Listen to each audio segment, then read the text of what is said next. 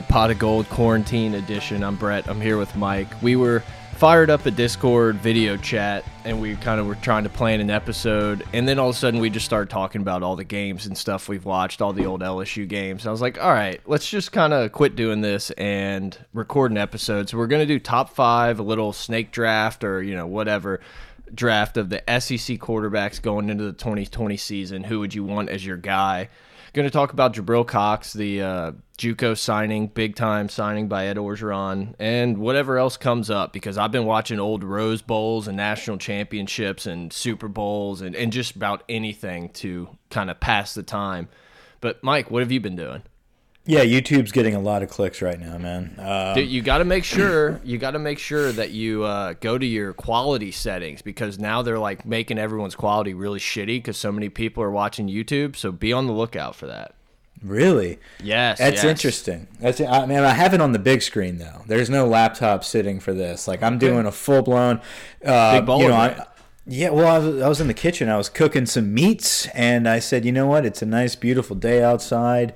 Let's go ahead and turn on the LSU Auburn game, and let's act like it's literally play by play. I had commercials. Um, I had I had the whole bit. I, I take that back. I didn't have commercials, but you you get what I'm saying. I had every single play. It was not the expedited version. Um, so I've been watching a lot uh, on the big screen. I've been watching a lot of old games, going deep into the years past, starting in 2010 and working my way all the way through. Not every game, but you know the big games from each season, and just to see the evolution of LSU is pretty great. But have you been watching um, other teams or just focusing on the Tigers? Dude, I watched the Florida Oklahoma National Championship. I watched the first half, which was an incredible decision. I, I, recommend anyone go do it. Watch the first half of the Rose Bowl between Wisconsin and Oregon. I think it was like 28 28 or 21 21 or something. It was an insane first From half. last season? No, this was when Russell Wilson was at Wisconsin. Okay. This was like I went back to the uh, the old Russell Wilson, Kenjon Barner, uh, DeAnthony Thomas, both had like a one play touchdowns. But you said commercials, and it kind of reminded me. I was watching the LSU Florida game, like I'm sure most people were. It was on the SEC network or ESPN two something. And they kept going away to these infomercials as the commercial breaks, I guess, because it was like midnight. I was suckered in, dude. I bought a copper pan. I bought tactical sunglasses. Like I don't know how I'm going to explain this when all this stuff arrives, but I'm ready. Hey man, so you're gonna have packages like Dave Portnoy. Have you been watching the package unveiling? I mean, it's unbelievable. I've seen, I've seen a little bit. I have not ordered anything yet. Um, no, man, Dude. it's it's been it's been interesting to go back and, and dive into some of these old games. Um, I was interested to see kind of the evolution of our offense, um, and and to watch the development and to see Joe Burrow's transition from 18 to 19 is a phenomenal transition. It's Uh, weird. yeah, it's he noodle armed some Yes. throws. I'm just like, wow, he looks like a normal ass quarterback. He looks like a Jarrett Stidham out there. Yeah, not Andrew Hatch noodle arm, but I mean, it No. was it was one of those things where you saw it and you loved everything about Joe Burrow. And then you were like, he can make most of the throws. He can make it, but you just loved like the set of balls that this dude had on him, his entire just like leadership and everything, the aura of Joe Burrow. And then all of a sudden he turned into having like the best arm in the country. And that I was it was just incredible. Yeah, I think it it originally like in 18 it was like wow this is what we've been waiting for he can get the job done and then it turned into he not only can he get the job done but he's the best of all time like eh, to come through our school. It's just incredible. So yeah the transition went from really good to best of all time and that was very interesting to watch. But yeah we, we fell in love with his attitude. I mean we forget the days of i'm not going to slide. I mean, like that, the Joe Burrow I'm not sliding thing was pretty early in 2018, and that was the first time we were like, this dude just doesn't give a shit. Like he's coming he into better this program. slide once he gets into the SEC, Mike. Yeah, right. He took a lot of shots, but he's a tough kid. I mean, he's a coach's son. I don't know if you knew that. Um, What? but yeah. Uh, what was I going to say? Oh, what I remembered, I didn't recall this from the Texas game, but rewatching the Texas game, uh, the commentary between uh, Kirk Herbstreit and who was it? Um, It, it, base, it was the It was top Reece, dogs. right? Wasn't it Reece? No, it wasn't. we thought it was going to be uh Yes, it was Reece. It was Reece. because we were kind of pissed. Yeah, Fowler was in another game that I'm thinking of then. Oh, which one was it? Was it Oklahoma? One of them. No, okay, so Reece. Sorry, let's go back because I watched mini games recently. Yeah, but yes, they all it blend was, together.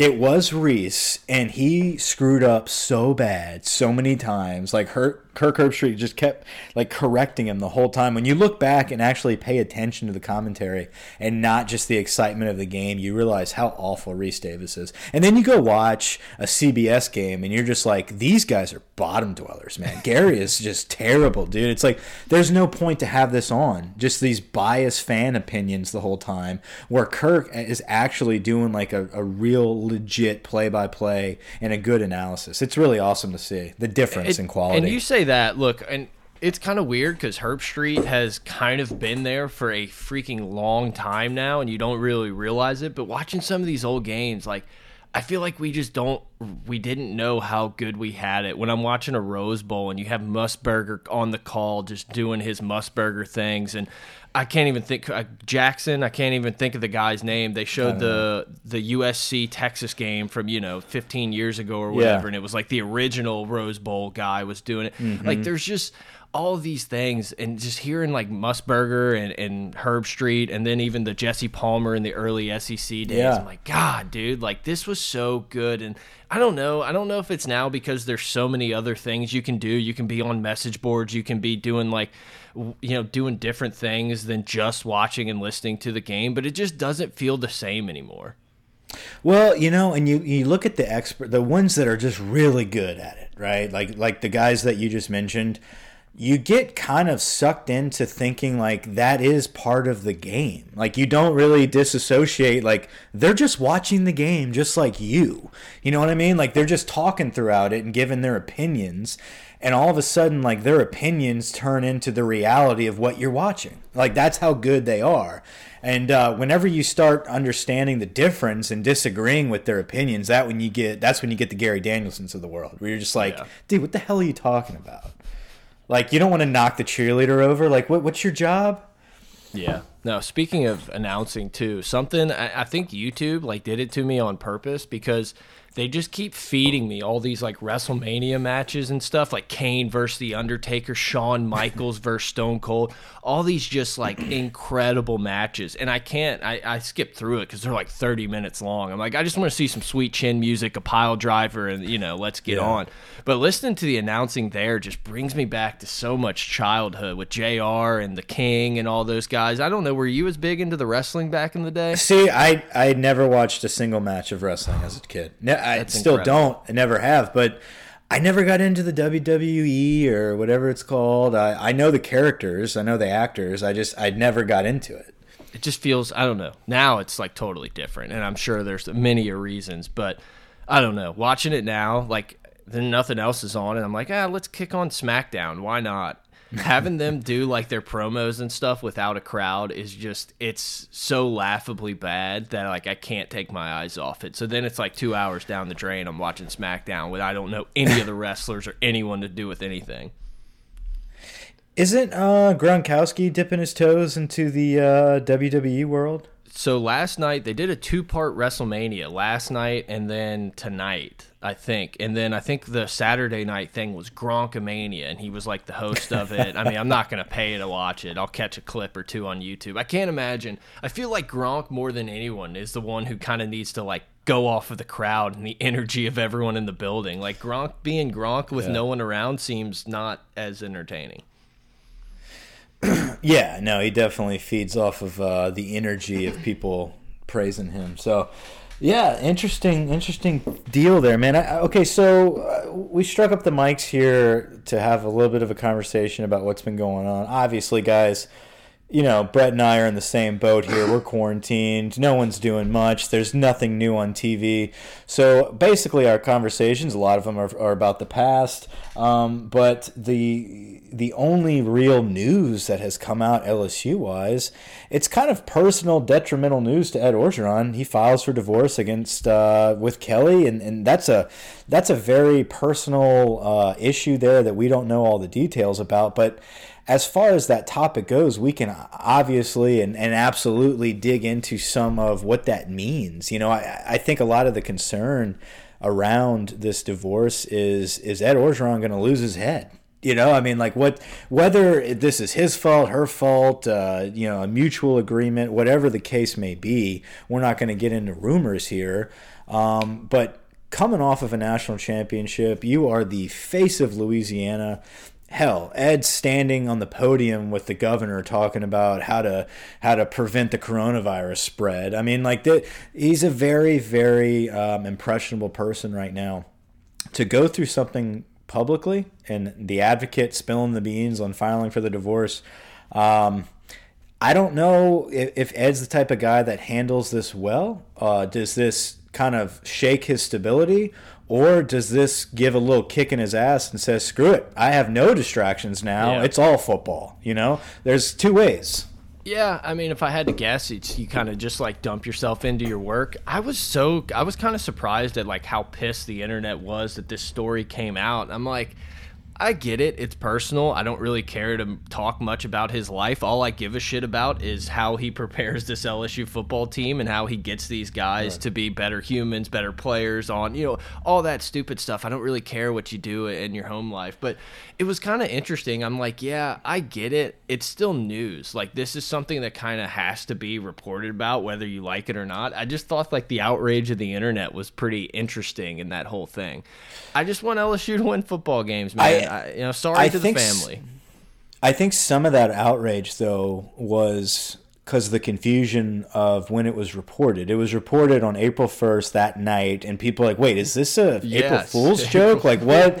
Like, like what asshole on with the April Fool's jokes? Yeah, I mean they're cheap jokes. It's an easy, it's an easy tagline. I mean, it's you know, it's just chum in the water. But and that's the thing eh, that people are pissed about. They're like, wow, this is kind of a dick move for the advocate to throw an April Fool's joke about a divorce. And it's like, well, this is true. You know, and so I think I think that was the initial kind of confusion. And then the next morning, I mean, obviously the advocate wanted to get out in front of it and they're like, screw it, we don't care if it's April 1st, we're gonna run with this. Uh, because by tomorrow everyone's gonna know. And so literally by the next day it was the biggest story.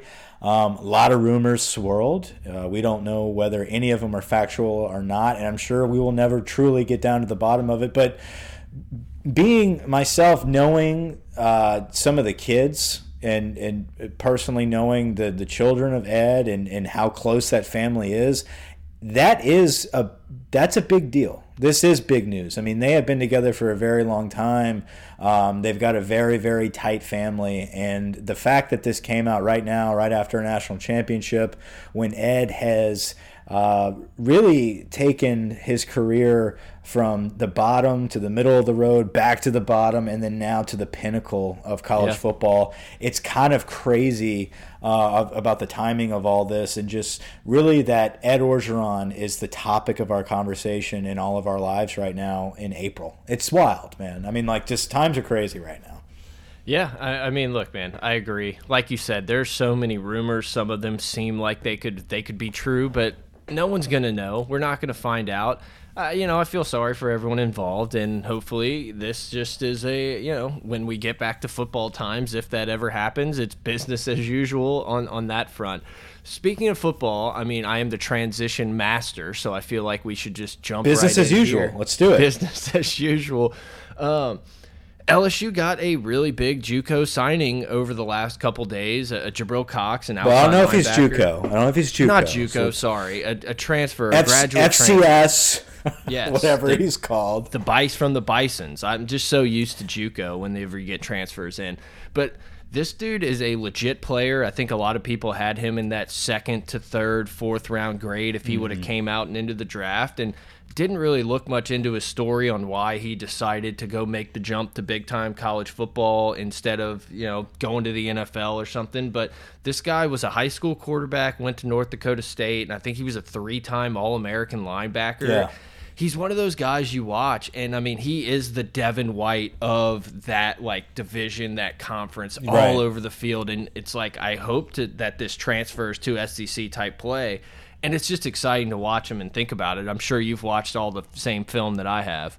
Yeah. yeah, I mean, a very, very dominant athlete up there. Uh, North Dakota State is uh, a school that puts out good athletes. Um, I mean, these guys win the championship in that division and that league year in and year out. Um, he was rated as one of the, he is the best graduate transfer on the market, period, out of any position. Um, and I, I believe he was like a three time All American, like you stated. Um, but the thing that's so unique about him is a lot of the draft experts really thought that if he came out this year, he would have been a very high draft pick. Now, I don't know if that means first round, second round. Obviously, mm -hmm. if that's your grade, like, what are you doing? Like, why are you not getting drafted? But I do believe he was a mid, uh, you know, third, fourth round draft pick if he would have come out. Maybe someone takes a chance and gets him in the first or second. Who knows? But the fact is, he knows the value of, of his athleticism. If he has the spotlight that LSU can offer, that is a first round draft pick. And so this is a business decision for him to know that he's already going to be draftable. I mean, like, he's already that good. Let's get even better on a national stage where everyone's going to look at me in the SEC on the defending national championship team uh, at LSU, that should lead people to believe that this cat's not coming here to chill on the bench. Like he's right. coming here to start immediately, to be a leader on this defense, to make his name known nationally, not just in the FCS or whatever that division the rankings are there. He wants to be a national prospect and go in the first round. And and I think that um, the excitement that the recruiting crew and, and everybody, all the coaches at LSU tweeting about it, I think it's warranted. I think this is someone that's a very big need. Uh, we lose Patrick Queen, we lose Jacob Phillips. Uh, the year before, we lost Devin White. I mean, you had a grounded crew of veterans at linebacker for a couple years.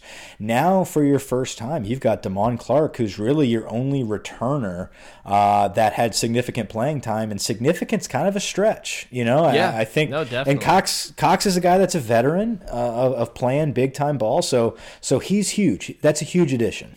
This was going to be the first time in the last few years that LSU was going to put out like an extremely inexperienced linebacking group. You know, forever. Yeah. I feel like even you know you can go 10 years back forever lsu has always had at least like one awesome linebacker. And it's like, okay, well, mm -hmm. guys can fill, you know, Ryan Baker, he hasn't played much. He can fill a spot. Oh, actually, he's pretty good. And you can just kind of always go through the line of LSU for that. This is a guy that at least has a shit ton of college football experience. And yes, it's not SEC experience and stuff like that, but watching this guy's film, man, he's just so. I mean, he really does remind me of Devin White. He reads plays so quickly. He's just obviously the most athletic guy out there. And it's just you kind of hope that that can transition because he looks like he could be a, a special player for sure. Yeah. And I think a lot of people you know, with the Devin White comparisons, for that league that he plays in, the speed of his game does transition to imitating like what Devin White was doing in the SEC. Now, is that to say Jabril Cox comes into the SEC and he's playing at the level of, of Devin White? No, but what we can expect, I think, immediately, I think we can expect to see someone walk in and immediately be the best level we saw of Duke Riley, the best level we saw of Debo Jones, images, flashes of Kwon Alexander. I think he has that type of range, and I think he's actually a little bigger than those guys. So, um, somebody that Bo Pelini is definitely eager to get his hands on. Um, someone very well known to Bo Pelini. He coached against him. He was in that yeah. league, so he's very familiar with the ability of Jabril Cox. So, uh, big pickup. I think that's really the only news LSU has had as far as on the recruiting scene and uh, the drama uh, scene for out of uh, out of Baton Rouge. Uh, are you wanting to do top five? Let's uh, let's mess around with some of these SEC quarterbacks, man. I, the reason I, I wanted to bring this up and we're doing because everyone's doing top fives. That's why. That and uh, and we can go further than five, but we'll see what happens here. I put out a tweet and it was a picture uh, credited to 247, I think Billy Embody and Shay, and they were saying something about the, the Hebert, uh, the T Bob Hebert fund for the COVID fund that Miles Brennan and T Bob Senior's niece, I guess they're dating, Miles Brennan and, and one of the A Bears. I was wondering the connection. Okay. Yeah, and so they they have some type of fund they're doing. And the picture though that they had up there was Brennan with Emery and Chasen Hines was snapping him the ball, and it's like, whoa, like did we get this from the future? You know, like this image is pretty cool. Um, hopefully we can see this one day. But some Florida fan like jumped on there and's like man, we're gonna tear his ass up. Like, no kidding, dog. Like, you know, look out for that or something. I'm like, dude, I, Chomp, chomp. listen, right? Like, uh, first and foremost, I understand your jealousy towards LSU, and it's it's it's understood. Um, we beat everyone's ass. Like, we get it. Second off, I do believe Florida is a big threat and not only in the SEC but in the country next year. I think they're a very good returning team. I think Dan Mullen is building something slowly but surely there in Florida, and I think Kyle Trask think, is a decent quarterback. Yeah, I think out of just about any team in the country, Dan Mullen's Florida team has been that one that's performed really well and really hasn't seen a ton of the credit for it because they've lost to an LSU. They can't really get by yep. Georgia. But then you look, you're like, oh, they won 10 games, or oh, they did this. And you're just like, man, like they were maybe more of a force than I thought. Right, exactly. And they, they have a great defensive coordinator. They have they've always had a solid defense there. Anywhere Mullen has been, taken uh, Grantham around with him. Um, you couple that with a a Dan Mullen offense that has been in that system now for a couple years. A returning quarterback, yeah, that's a dangerous team. It's Florida. I mean, they're going to have dudes. So uh, I I wanted to let this guy know that, but at the same time, it's like, look, Kyle Trask is is he that much better than Miles Brennan? I mean, you know, uh, I know Miles Brennan is not that proven, but is Kyle Trask a guy that you're going to run your mouth about and say that we're going to destroy LSU with? It kind of made me think there's really no dominant quarterback figure. Like, you know, coming into last year, obviously you had Tua and Burrow and Kellen Mond, the self-proclaimed best in the SEC, he's back again. But I mean, it's really an even slate this year, so it kind of made me think, hell, we have got nothing to talk about. Let's kind of rank these irrelevant, middle of the road quarterbacks that may actually develop into something good in the SEC. Well, and look, you know, when you told me this, I was like, oh, yeah, you know, I'm sure that'll be fine. That'll be fun. And then you start scrolling these quarterbacks, and you're just like, holy shit like there's no one. There's no one yeah. that it's like, oh man, that dude like this, this is gonna be his breakout year. Last year he was crushed. Like I told you, I, like it seems like there's never really murderer's row of quarterbacks in the SEC. Every now and then you'll get them, but it felt like forever there was that one like Aaron Murray type of guy who you were like, yep, you know, this is a dude, you know, blah blah. I don't. There's no one that jumps off on this list right now, so I definitely think it'll yeah. be fun. All right, so we're gonna, I guess, set some ground rules. Are we talking about just for this coming season? Like it, their age doesn't really matter. Yeah, like we can't say Bryce Young is going to be a dude. Like we know that Bryce Young is a phenomenal five-star quarterback coming into Alabama. I do believe by the end of the season he takes over for Mac Jones, but Right now, Mac Jones is slated to be the starter at Alabama. So let's talk about the slated starters projected opening game 2020 if and, we have and just for the season. year though because like for an example like if i got bo nix for the next three years coming you know his sophomore yeah. junior and senior year i feel like i would weight him higher than i probably would normally you know so i think we should just do for for yeah. this coming season for this coming season yeah okay all right do you want first pick or do you want the the next two I want the next two. All right, all right. I didn't think that was going to happen. um, look, this one's definitely going to be a flyer because he's a guy who play. You know, is going to be transferring into a program that has a ton of talent. And I think even though you know where I'm going, it's going to be Jamie Newman, yeah. the Wake Forest transfer mm -hmm. going to Georgia it could be just a, a, perfect scenario for him to walk in with a lot of the talent that Georgia has. And look, you know, this kid was a pretty good player at Wake Forest, and it's one of those programs where you don't have just tons and tons of talent surrounding you. But every time you watched Wake Forest play, you're like, oh, this dude can make some plays. So I'm just gonna kind of take that that flyer of the transfer that everyone probably hypes way too much and is not gonna be average. But looking at this list, I feel like I have to do it.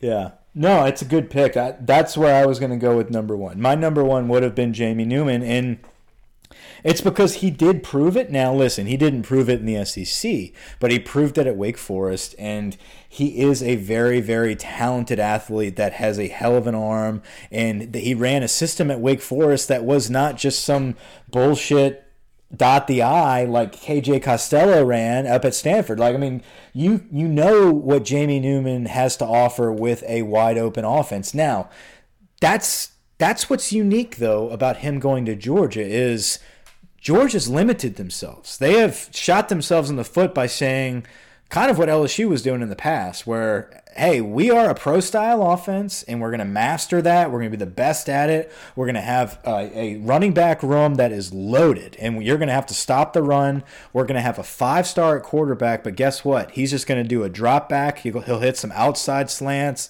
He's just going to manage the game and be really accurate. Now, that didn't work. Right, yeah. we figured out that didn't work. You had Justin Fields, and uh, they basically kicked him to the curb because they couldn't really figure out how to utilize that skill set. Now they're going out and getting a guy like Jamie Newman. And so does that make me think, okay, Georgia's serious now. Like they they know they have a small window left that's closing that Kirby's saying, okay, I can only ride this wave of not having any results to show for it for so much longer. Uh, let's go out and get a spread offense quarterback, somebody that can wheel and deal it, and let's win this thing. So I think yeah. Jamie Newman is that guy. And but and it's kind of funny, you know, you mentioned Justin Fields. This entire season, whatever this dude does is going to be. Oh well, reminder: yeah, we had yeah. the guy who's now twenty and one or whatever he's going to be at that time at Ohio State because Ohio State's not going to be losing many games. No, no, no, no. I, I think you know if we're talking about ranking national quarterbacks, I think I think number one and number two is is Lawrence and Fields, and those are the top two programs, top two teams in the nation going into the season. It's it's uh, Clemson and Ohio State. I think. Which one would you take? Uh, Clemson with Trevor Lawrence. I kind of feel like for college, I would I would take Fields. Like I love Trevor Lawrence. I think he he's obviously that guy that's going to be one of those pros for a long time, and I'm sure Fields will too. But I almost feel like the college game just fits Fields a little bit better. And look, I know what Clemson's doing is incredible. Like it, I'm not knocking the kid Trevor Lawrence at all, yeah. but I just kind of feel like it's just Fields is more of that perfect right time to be that style of quarterback in college football. Well, he fits he fits Ohio State's style, right? And that, and that's where you're getting at is he's not a gimmick quarterback, but he fits a college system perfectly where Lawrence you can mold him into any team he goes to in the NFL and he's going to be great where I don't think Fields will have that great of an NFL career compared to Lawrence, but for a college kid, yeah, absolutely. He's a phenom. I mean, I think they're both very good quarterbacks. I think what sticks out in LSU's mind is what we did to Trevor Lawrence, and it kind of takes that appeal away yeah. from him. But with that being said, I feel like it would have been even worse against Ohio State, and we would have made Fields look like dog shit. So I don't know. I, I think they're both very good, and it's kind of splitting hairs. But yeah. I'll say this last thing, and then we'll jump yeah. into the top five because you're right. and all I, have been thinking so much about like how much differently, like how that Ohio State LSU national championship game would have played. I've watched that Fiesta Bowl a couple times with Ohio State and Clemson, it just would have mm-hmm. been a fun game to watch. I'm sad that like somehow that that game didn't happen. I'm glad LSU kind of got the OU draw and then let those two battle it out. But at the end of the day, I don't think it mattered. I think LSU was beating whatever team because I still watching that game. I'm like, yeah, I could see how Clemson would be the better team and match up better against LSU. I don't know. I, have been thinking about that Ohio State LSU matchup that never happened a lot in quarantine. Yeah. Well, it's the only it's the only team that we didn't get a chance to beat, and yeah. you know, and that was one of the graphics I saw in the middle of the Texas game, or it was towards the end of the Texas game. It's like the top 10 at that time, it was like Clemson, Bama, Georgia, Oklahoma, you know, uh, Auburn Florida. was like seven, Florida, and it's just like we beat all of them, all of them. Like the only team we didn't get a chance to play was Ohio State, and to sit back and think like, oh well, you know, that's the team that would have got us. Like bullshit. Like I, yeah. we were not losing this season, but I would have rather play Ohio State. I just think for the story, the pageantry of the two programs, I'm tired tired of Clemson. I'm tired of that bullshit. Like it is what it is. I think it would have been great for the game to have LSU versus Ohio State. I agree. All right, back to the top five. Okay, well, listen. Only one's I think been off the board. one is off the board here. Um, I think the next two off the board are, are, the next two that anyone with a right mind outside of uh, College Station, Texas, would take. And I think the next two, first off the board, I'm gonna. Uh, I'm, it's tough, dude. It's tough because they're both very even, but I do believe I do believe Bo Nix at the end of the year, through the season, I think will develop into a, a the best quarterback we have out of these two. I think it's Bo Nix then Kyle Trask. Okay. Um, yeah, I, have got Bo Nix and then Kyle Trask. I think Bo Nix is the freshman. He was the freshman uh, of the year uh, award winner, which probably should have gone to Derek Stingley, but maybe. I think Bo Nix uh, in this offense he's the type of guy that we're talking about with Justin Fields. He fits a system. If if you put Bo Nix in any other system, I think he struggles. I think he cannot field under center. I don't think he can do play actions. I do not think he is great at reading a defense. But what he is good at, he's got a he's a phenomenal athlete. He's got a great set of legs. He is a better Sam Ehlinger in my opinion. He's somebody that is more dangerous than Sam Ehlinger in a system that um, uh, fuck, what's his name? What's the fucking coach for Gus Auburn? Malzahn? I'm, Gus Malzahn. I'm losing my head here. Gus Malzahn develops for quarterbacks like him. I, I think that's the thing about with Gus Malzahn. He is Gus Malzahn's offense. His Auburn teams are only as good as their quarterback is that fits that system. And I think Bo Nix fits it. And I think we just saw him have some freshman troubles against good teams. If he was playing a shitty team, he looked great. When he played good defenses, he looked like a freshman. And I think next year, I think he's going to be pretty damn solid. And I think Kyle Trask is a guy. Uh, that doesn't really fit Mullen's system, but is just such a good technician uh, when it comes to fundamentals and how to really be a good quality quarterback. I think Kyle Trask is a great pro style quarterback. The way he drops back, the way he holds the football, the way he reads a defense and hits quick plays. Um, I think the game, he, hell, the dude didn't play in high school. I mean, he, he sat behind uh, D'Eriq King. So here's a guy that's only really had one year to play football. I think he's going to be very improved. He's got a lot of weapons around him. Um, I think I think Kyle Trask is going to be a pretty good quarterback. Well, and kind of like how you said, LSU fans kind of see Trevor Lawrence a little differently after that national championship game. I think LSU fans see Trask a little differently because Trask kind of yeah. dimed us up in that game. You yeah. know, a, a, game one of the he dimed up Stingley. That, yeah, I mean, back shouldered Stingley a few times. Stingley got him when the when it really yes, mattered in that game. But and then you watch Trask, and you know, I think that was one of the first games that Trask like really played was the LSU game, and you were like, oh man, like this guy may be a diamond in the rough. And then you see maybe some mm -hmm. defenses have watched some film on him and stuff, and uh, you know, I don't know if he regressed, but he didn't make as many plays and it gave you that I'm still not really sure. And then you think about it, it's like, oh, well, you know, maybe a spring practice as number one guy getting into the system even more is going right. to help him. Oh, wait, that's not that's not happening anymore. So yeah. that one's really interesting, and I feel like I've kind of painted myself in the anti Bo Nix corner when I, I really just thought he wasn't anything special. But you can come out of that. You can come out of that. but no, I do agree. I think Bo Nix will definitely improve this season, and he will turn into one of those guys that you're like, oh, okay, Bo Nix is a legit quarterback. I don't know that I would have taken these dudes in this spot, but hey, it's not it's your turn in the draft, not mine. Yeah, there you go. so, are you ready for my next two? Yeah.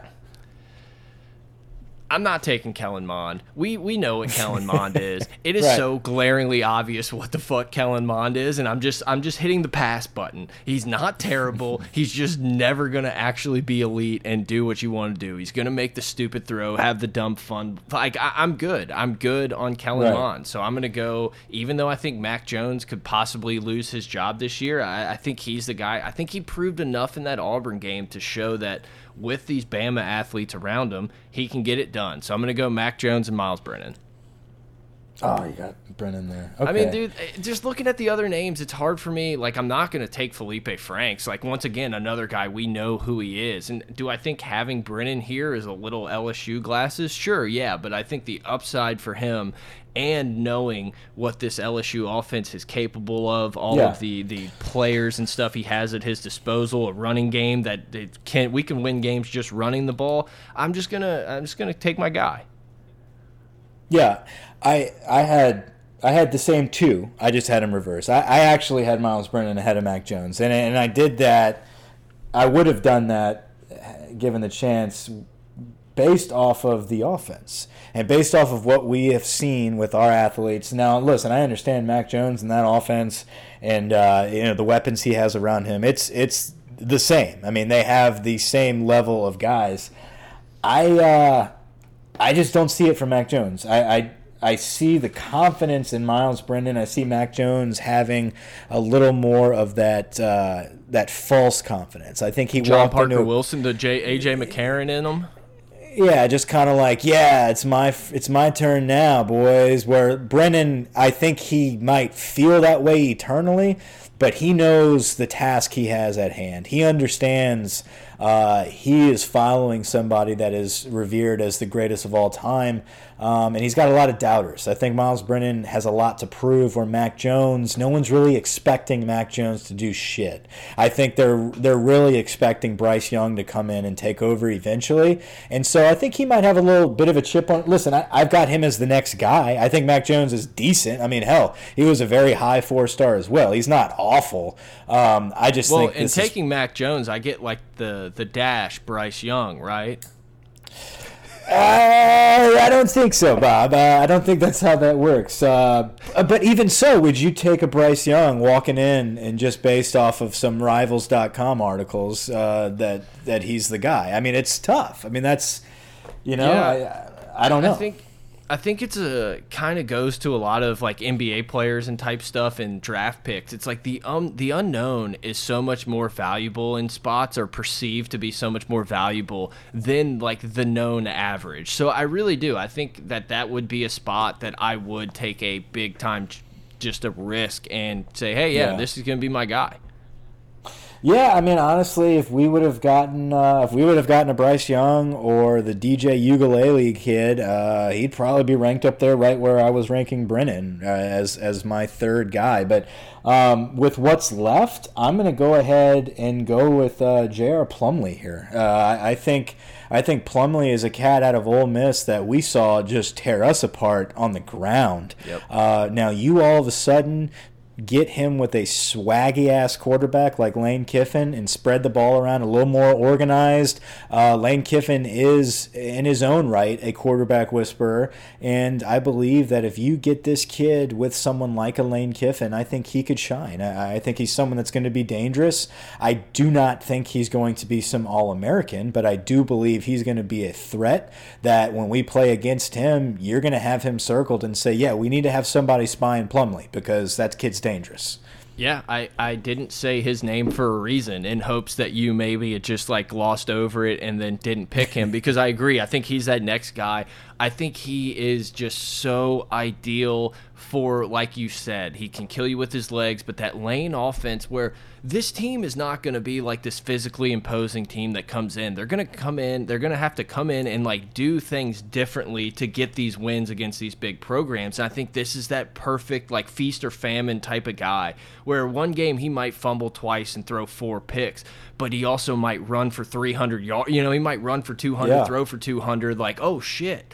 And I think he's just that kind of like a perfect, just firecracker type player to fit in what Ole Miss is going to try to do. Yep. You got one more.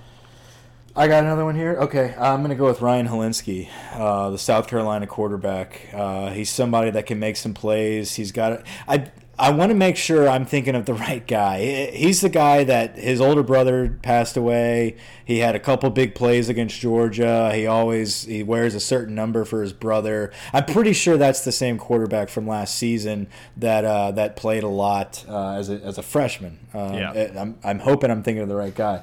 Uh, he was a really good quarterback for South Carolina. So um, I, I think Carolina is a team that every now and then they'll pull the wool over somebody and they'll kick him in the ass and you're just like how did that happen? Oh well they actually have a really good quarterback that made some plays. Um, and i think Hilinski is that type of guy. He's very he's a very typical south carolina quarterback uh, that'll randomly have a great game and, and, and beat somebody that they shouldn't. Uh, so i don't know. I, I think he's a good kid and uh, i've seen some good stuff from him so i'll go with Hilinski. All right. Do I? I have three, so I guess I just do two, and then you do one. Is that how it how it ends up?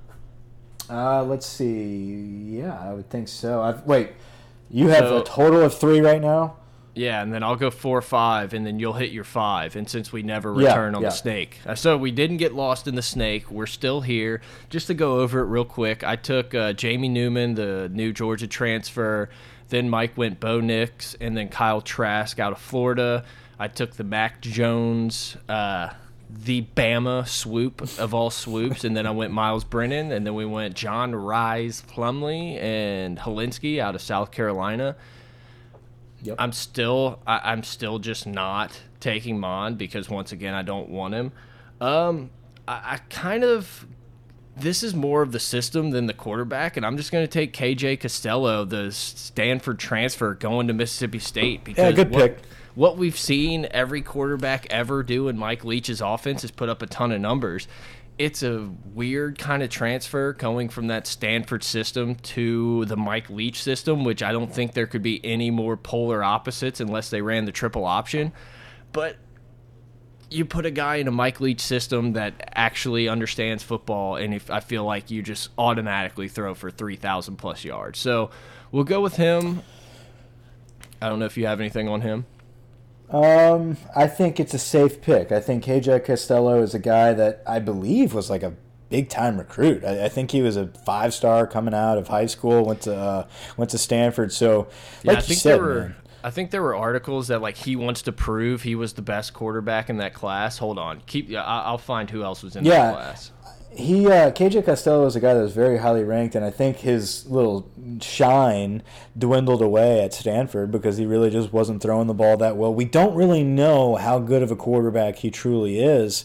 Um, but you know he transfers to Mississippi State, and like we talked about, man, Mike Leach is a guy that you can plug and play. You got a guy like Gardner Minshew, who uh, dances around the SEC for a little bit as a backup, JUCO, and then transfers to Washington State with Mike Leach's program, and all of a sudden the mustache rides are the biggest fad in the in the Pac-12. So I believe KJ Costello has an opportunity in this system, like you said. Uh, he also has some old pedigree of, of being a big time high school talent. Um, he also is a, a very cerebral cat. I mean, obviously, he's smart to be playing in that system. Uh, he also is a smart kid going to Stanford. Um, I, you know, I think it's a safe bet that he will probably have a decent season. Uh, I, I think it's a safe bet to say that he's not going to be trash. So, uh, yeah, that's a decent pick there. You have another one, or my? Yeah, I got it? one more. Sorry, one, I was okay. just looking at some of the quarterbacks in this class. Guarantano was fourth in that 2016 class as a pro style, as a dual threat, along with Jalen Yeah. Hurts, number one. Pro styles were none other than your boy Shea Patterson and Jacob Eason were one and two. Malik Henry, Eason. number four. Woof, woof. And I then- love there's comparisons. There's comparisons to the draft class this year. Like they list all the kids and then they kind of compare them to professional quarterbacks right now. And Eason is compared with Jameis Winston. I, I just busted out laughing seeing those two back to back. It's like those. It's the most opposite characters I've ever seen. Yeah, that's pretty funny. All right, so for my last pick, I, I feel like I could take Mond and like try to win the thing, if you will. But once again, it's just a guy I don't want. Felipe Frank's a guy that I just don't want. I'm gonna go with the dude. Don't go I, Guarantano. No, no, no, no. I'm gonna go with the guy in Kentucky because uh, Terry Wilson was actually like looking not that bad, and then I think he had that season-ending injury, and then all of a sudden they put that Lynn Bowden dude, that running back at quarterback, and just ran like a thousand times a game. But I, I mean, give me Terry Wilson out of Kentucky. I, I like what Kentucky's doing down there, up there. Cool. I'm gonna go Jarrett Guarantano. Uh, I uh, I don't know, man. It's just my big orange Mac in me. I, I feel like uh, I want to see Tennessee do good, and I'm I'm waiting for them to turn the corner in some fashion. Maybe Pruitt uh, can can get a uh, can get a quarterback whisper in there to get a very very talented guy like Jarrett Guarantano to kind of turn the corner and maybe we see some fireworks happen. Look, we're at the bottom of the barrel here. I mean, this the SEC quarterbacks coming into this were not great to begin with. So the final picks here, uh, like we said earlier, it's, it's splitting hairs. Well, and the only quarterbacks that didn't get taken were the Vanderbilt quarterback, the Missouri quarterback, and then everyone's favorite Felipe Franks and Kellen Mond. I mean, you know. I'm and good. we've seen those two. We've yeah, seen those I'm two good. and what they do, and I don't trust them ever getting better. And that's the thing. It's like I think Guarantano could get better. I don't think Franks could get better. I think he yeah. could get worse at Arkansas. Well, I think yeah. Kellen Mond is Kellen Mond. Like you said, we know who Kellen Mond is. He's been there for ten years. Yeah, should Mond be on our list? Yes, but I'm just not picking him, and I feel like you're in the same boat. It's like I've seen enough to know that I don't want him to be my guy. He can be your guy. I don't want him to be my guy. Yeah, I don't. I, I don't like Mond at all. I, I think he's one of those guys that I, I think it's easy for people to get caught up in quarterbacks and be like, "Oh man, that dude sucks" or "He's trash." I don't do that often because I've I, I think they have good games against different defenses. I've never seen Mond have a good game. I, I've never watched Mond and be like, man, he's showing some glimpses of doing some good stuff. I don't see it. I don't yeah. see the hype. He always makes mistakes. He always looks rattled. He always looks like he's about to either fumble or throw a pick or just run into the back of his O lineman. That's it. The disdain that you see in Jimbo's face when Mon's walking off the field is just all I need. It really is. Like gold watch, gold chain, just disgusted at what he just saw on the field. And like I, will side with Jimbo on that one then. Jimbo knows quarterbacks. He's been around a lot of good ones, and for whatever reason, he's. I, guess they don't have anybody behind Kellen Mond that's good. I, I don't understand how they haven't replaced him yet. It's weird.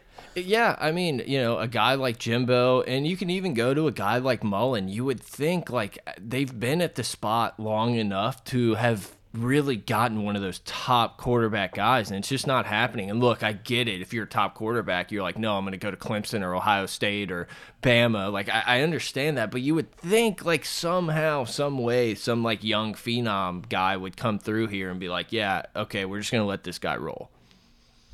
Right.